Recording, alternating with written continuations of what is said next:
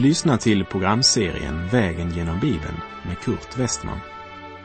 Programmet sänds av Transworld Radio och produceras av Norea Radio Sverige.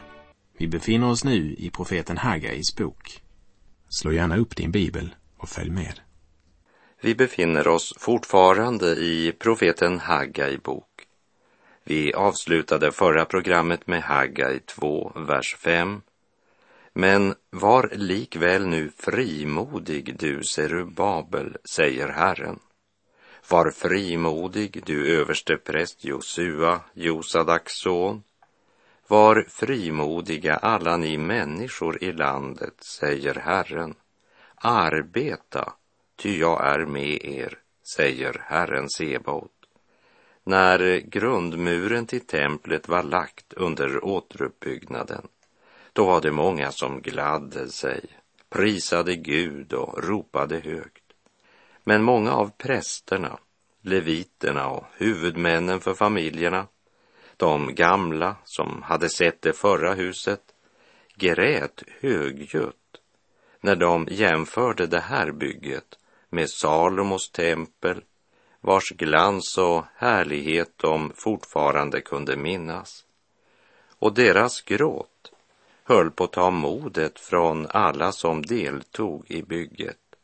Det är då Gud uppmanar till frimodighet och ger dem en konkret befallning att börja arbeta.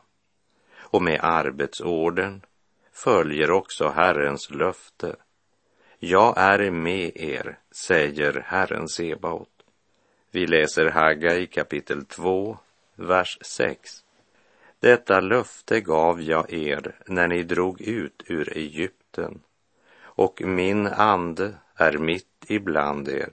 Frukta inte. Lägg märke till att Herren säger inte ni kan väl se att jag är mitt ibland er. Inte heller säger han ni kan väl känna att jag är med er. Utan Herren pekar tillbaka på löftet han gett Gud kallade sitt folk ut ur Egyptens träldom. Och när folket på Herrens befallning drog ut ur Egypten gav Herren dem ett löfte att hans ande är mitt ibland dem. Och det löftet står fast. Löftena kunna ej svika. Det är människan som sviker. Den nya tempelbyggnaden, den var inte imponerande. Men det är inte heller byggnaden som är det avgörande. Gud påminner om sakens kärna, nämligen att Herren själv är mitt ibland dem, vilket betyder långt mer än ett rikt utsmyckat tempel som bara är ett tomt skal utan Herrens närvaro. Men människan är så svag för det synliga för jordisk rikedom och yttre glans. Och dessa verser avslöjar också skillnaden mellan den helige Andes gärning i det gamla testamentet och Nya testamentets frälsningshushållning. Under det gamla förbundet så bodde han mitt ibland sitt folk. Idag bor han i den troende inte bara ibland de troende. Ty Guds kärlek är utgjuten i våra hjärtan genom den helige Ande som han har gett oss, säger Paulus i Romarbrevet 5.5. Det är verkligen en helt ny situation och en av de fantastiska fördelar vi har som Guds barn i det nya förbundet. Frukta inte, sa Herren. Och om de inte hade någon orsak att frukta så har ett Guds barn idag sannerligen inte något att frukta. Haggai kapitel 2, verserna 7 till och med 9. Så säger Herren Sebaot. Inom kort skall jag än en gång komma himlen och jorden havet och det torra att skaka. Jag skall skaka om alla hedna folk och alla folkens skatter skall komma hit. Och jag ska uppfylla detta hus med härlighet, säger Herren Sebaot. Mig tillhör silvret och mig tillhör guldet, säger Herren Sebaot. Låt oss först av allt lägga märke till vad Gud nu gör. Han försöker lyfta deras blick och deras tankar över allt det lokala, synliga som de blivit så fixerade vid för att vända deras fokus till Guds suveräna plan för Israels folk. Han vill öppna deras ögon för Guds barns framtid helt i den dag då Herren triumferar och rättfärdigheten väller fram som en flod. Även för oss är det lätt att mista perspektivet på det kristna livet. Vi trycker näsan mot det fönster som heter ögonblicket och blir så upptagna av allt det synliga att vi inte ser något annat. Som du vet så kan vi föra en enkrona så nära ögat att den hindrar oss att se solen. Och en enkrona är som det nuvarande, det vill säga ögonblicket, som hindrar oss att se Guds plan med våra liv, så att våra tankar och visioner styrs av de yttre omständigheter istället för att styras av Guds suveräna plan. Mist inte modet om de yttre omständigheter inte ser ut att vara med dig. Utan kom ihåg att du är ett Guds barn. Och kom ihåg att för dem som älskar Gud samverkar allt till det bästa, som det står i Romarbrevet 8, vers 28. Eller som Paulus uttrycker det i Andra Korinterbrevet 4.18. Vi riktar inte blicken mot det synliga, utan mot det osynliga. Ty det synliga är förgängligt, men det osynliga är evigt. Inom kort ska jag än en gång komma himlen och jorden, havet och det torra att skaka, säger Herren. Med andra ord, Gud skall döma synden. Och inför den kommer både jorden och havet att skakas, liksom alla hedna folk. Men templet i Jerusalem ska fyllas av Herrens härlighet. Även om tempelplatsen bestod av många olika byggnader så ser Herren hela området under ett. Herodes tempel blev ju ödelagt år 70 efter Kristus innan det var helt färdigt. Och sedan dess har det inte varit byggt något tempel där intill denna dag. För idag står Omar-moskén där. Och muslimerna tänker inte tillåta att den flyttas eftersom det är en av de platser de förklarat för heliga för islam. Men trots detta skall det en dag byggas ett Herrens tempel där och då ska Herrens härlighet uppfylla templet. Jag skall skaka alla hedna folk. Med all oro, alla krig och naturkatastrofer som idag skakar vår värld har vi svårt att förstå att vår värld ska kunna skakas så mycket mer. Men allt detta, det är ändå bara en stilla susning jämfört med det skakande som skall komma. Mig tillhör silvret och mig tillhör guldet, säger Herren Sebaot. Vad är det som upptar människornas sinnen idag? Det är ära, makt, berömmelse och pengar. Snabba klipp, vinning utan strävan, roffa åt sig på andras bekostnad. Silver och guld, det vill säga tanken på pengar, personlig vinning, står i centrum för den mänsklighet som vänt Gud ryggen. rikedom och sinnlig njutning, tidsfördriv och lyxliv.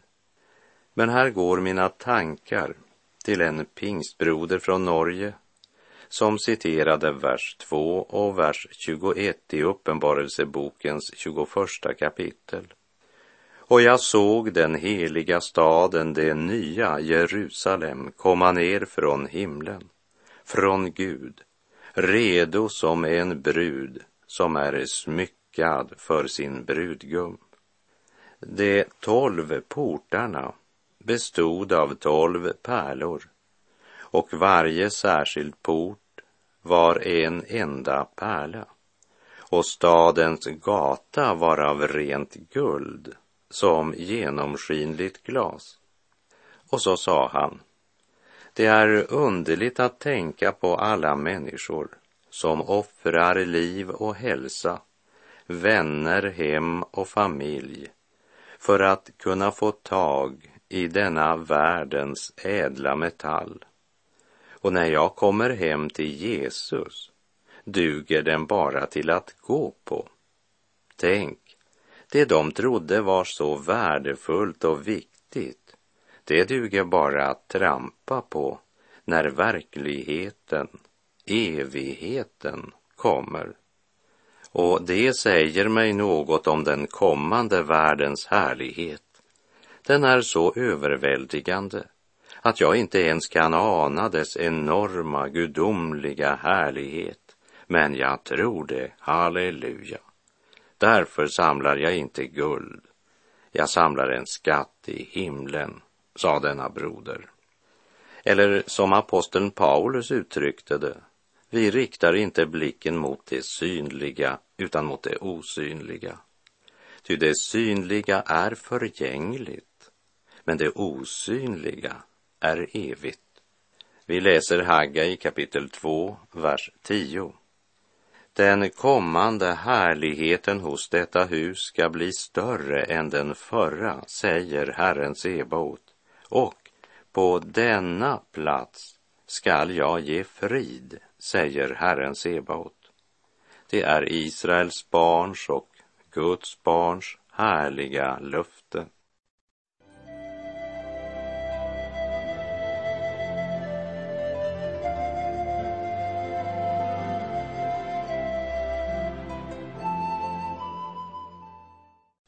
När vi nu kommer till verserna 11 till och med 22 hos Haggai i det andra kapitlet så talar Herren om en ny välsignelse. Vi läser vers 11 och 12. På 24 dagen i nionde månaden av Darejaves andra regeringsår kom Herrens ord till profeten Haggai. Han sade så säger Herren Sebaot. Fråga prästerna vad lagen säger. Det är inte en uppmaning att spekulera eller diskutera vad den ena eller andra gruppen menar vara rätt. Herren visar till sin heliga lag. Vad säger Guds ord? Genom profeten ställer Herren två konkreta frågor vers 13 och 14. Om någon bär heligt kött i fliken av sin mantel och så med fliken rör vid något bakat eller kokt, vid vin eller olja eller vid någon annan mat, blir då detta heligt? Prästerna svarade och sade nej. Återfrågade Hagai, om den som blivit orenad genom en död kommer vid något av allt detta, blir det då orent? Prästerna svarade och sade ja. Vi bör ha klart för oss att det här är mycket viktiga frågor. Låt oss därför se lite grann på bakgrunden. Det finns ju många olika saker och händelser i vardagen där Mose lag inte gav någon detaljbeskrivning av hur man skulle göra. Det var situationer, knutar och problem som uppstod i vardagen där det inte fanns exakta beskrivningar som täckte situationen. Men hur fungerade då livet och vardagen i Israel under lagen? När det fanns så många situationer som inte täcktes av lagen. Ja, vi får ett praktiskt exempel i fjärde Moseboks 27 kapitel som gäller Selofads döttrar och deras arv. Mose lag sa inget angående arv när en man inte hade några söner, utan ett hus fullt av döttrar. Och Selofad hade endast döttrar. När deras far dog så gick Selofads döttrar till Mose och sa Vår fader dog i öknen, men han tillhörde inte den hop som rotade sig samman mot Herren, Koras hop utan han dog genom egen synd och han hade inga söner. Varför skall vår fars namn utplånas ur hans släkt därför att han inte hade någon son? Ge oss nu en besittning bland vår fars bröder. Det första jag vill du ska lägga märke till när det gäller Selofads döttrar det är att de är inte likgiltiga när det gäller att bevaka den rätt som Gud har utlovat. Även om alla yttre förutsättningar tycktes säga att de var hjälplösa och ensamma.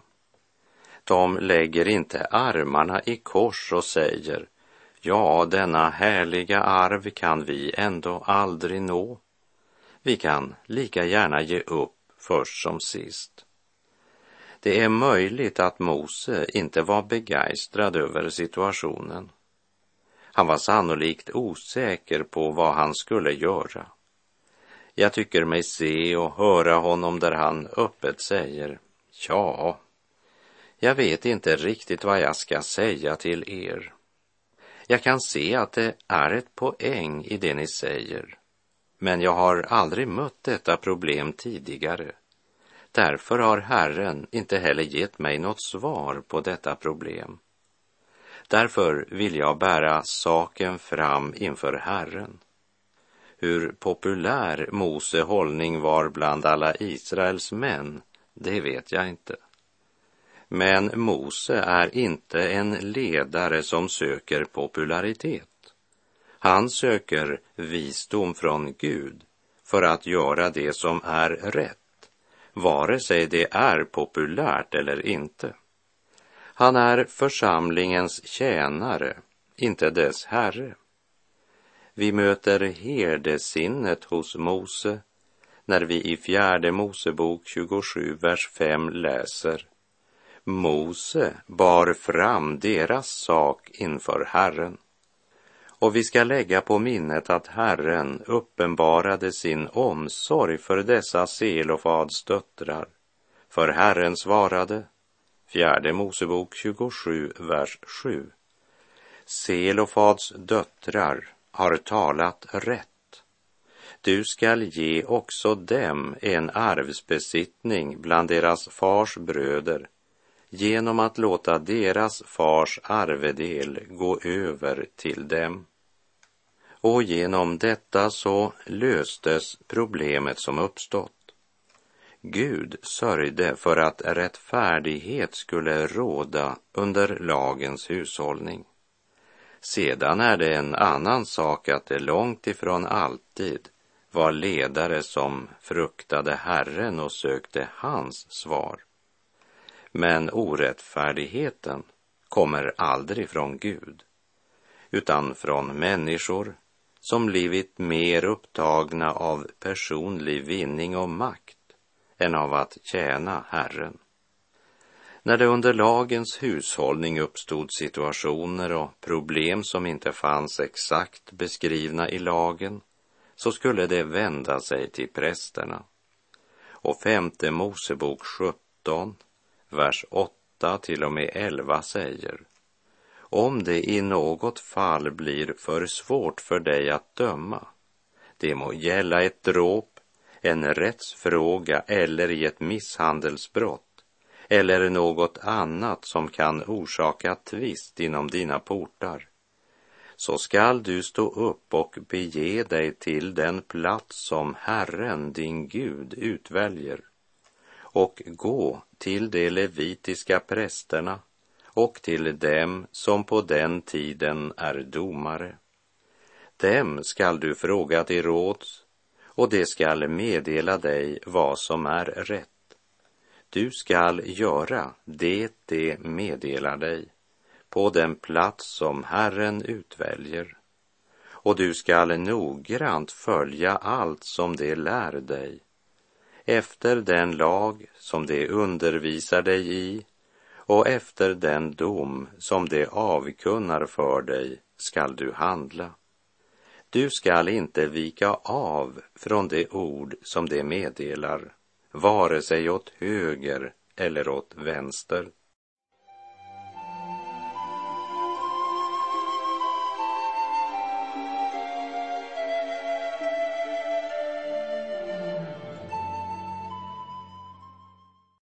Haggai konfronterade prästerna med vad lagen sa. Om någon bär fram heligt kött i fliken av sin mantel och så med fliken rör vid något bakat eller kokt, vid vin eller olja eller vid någon annan mat, blir då detta heligt? Prästerna svarade och sade nej. Åter frågade Haggai om den som blivit orenad genom en död kommer vid något av allt detta, blir det då orent? Prästerna svarade och sade ja. Och så fortsätter Haggai. Vi läser Haggai 2, vers 15. Då sade Haggai, så är det med detta folk, och så är det med detta hedna folk inför mig, säger Herren. Ja, så är det med allt deras händer gör. Vad de där offrar är orent.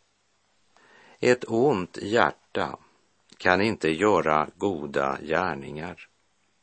En bitter källa kan inte skänka dig friskt vatten. Eller som Jesus säger i Lukas 6.44. Inte plockar man väl fikon från tistlar eller vindruvor från törnbuskar. Och principen som förkunnas genom Haggai det är att om någon bär heligt kött i fliken av sin mantel så blir inte det som manteln rör vid heligt. Men om den som blivit orenad rör vid något bakat eller kokt, vin eller olja eller vid någon annan mat då blir det orent. Eller för att använda en enkel bild. Om du har ett glas fyllt med rent vatten och ett glas fyllt med bläck så droppar du några droppar bläck i det rena glaset och vattnet är orenat. Men bläcket blir inte rent om du droppar några droppar rent vatten i glaset med bläck. Det vill säga, synden smittar. Om du inte haft mässlingen så är det inte klokt att besöka en som ligger febersjuk i mässling. Och en enda smittbärare kan smitta en hel skolklass om de är tillsammans. Men om du är sjuk blir du inte frisk bara därför att du får besök av en som är frisk. Sjukdom smittar, men det gör inte hälsa. Och det är situationen även i den andliga världen.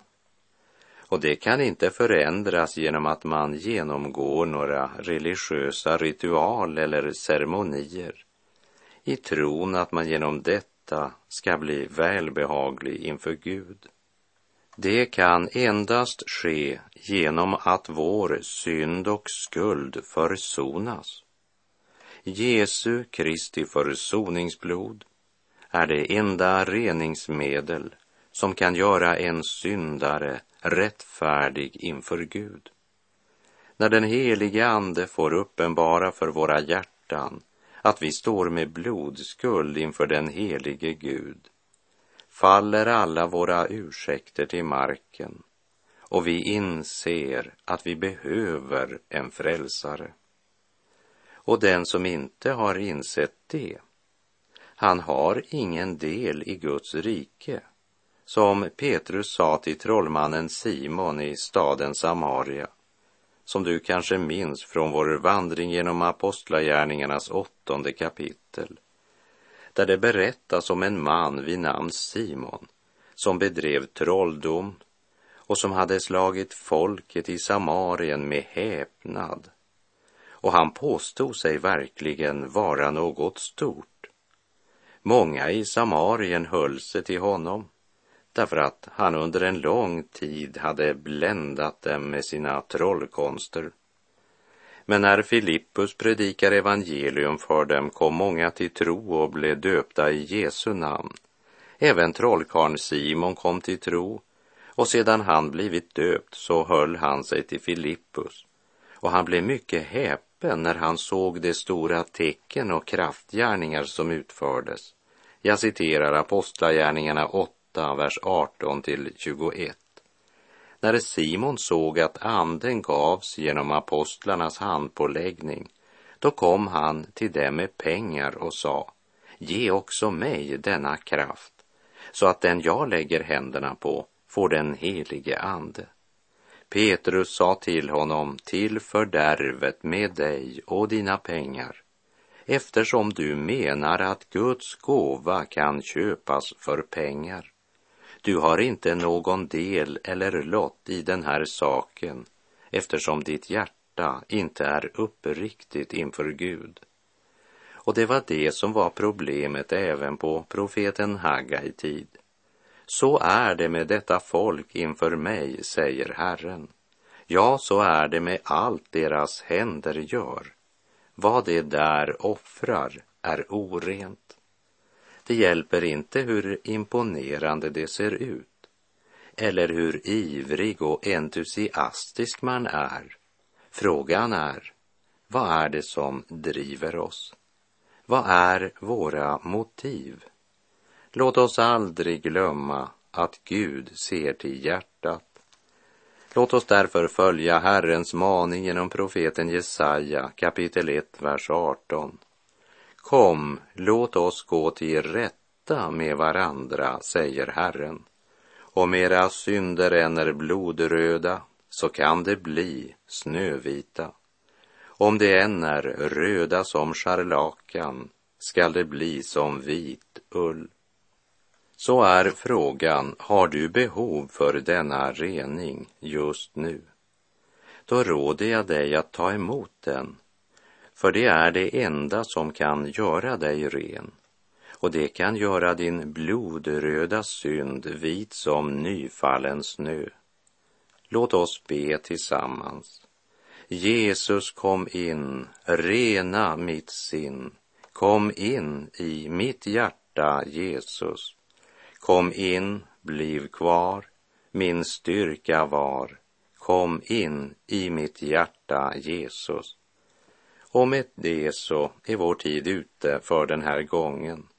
Men lämna inte ditt uppgör med Gud tills din tid är ute för evigt. Herren vare med dig, han som har makt att förlåta synder och må hans välsignelse vila över dig, nu och i evighet. Gud är god. Du har lyssnat till programserien Vägen genom Bibeln med Kurt Westman som sänds av Transworld Radio. Programserien är producerad av Norea Radio Sverige. Om du önskar mer information om vårt radiomissionsarbete så skriv till Norea Radio Sverige, box 3419 103 68 Stockholm.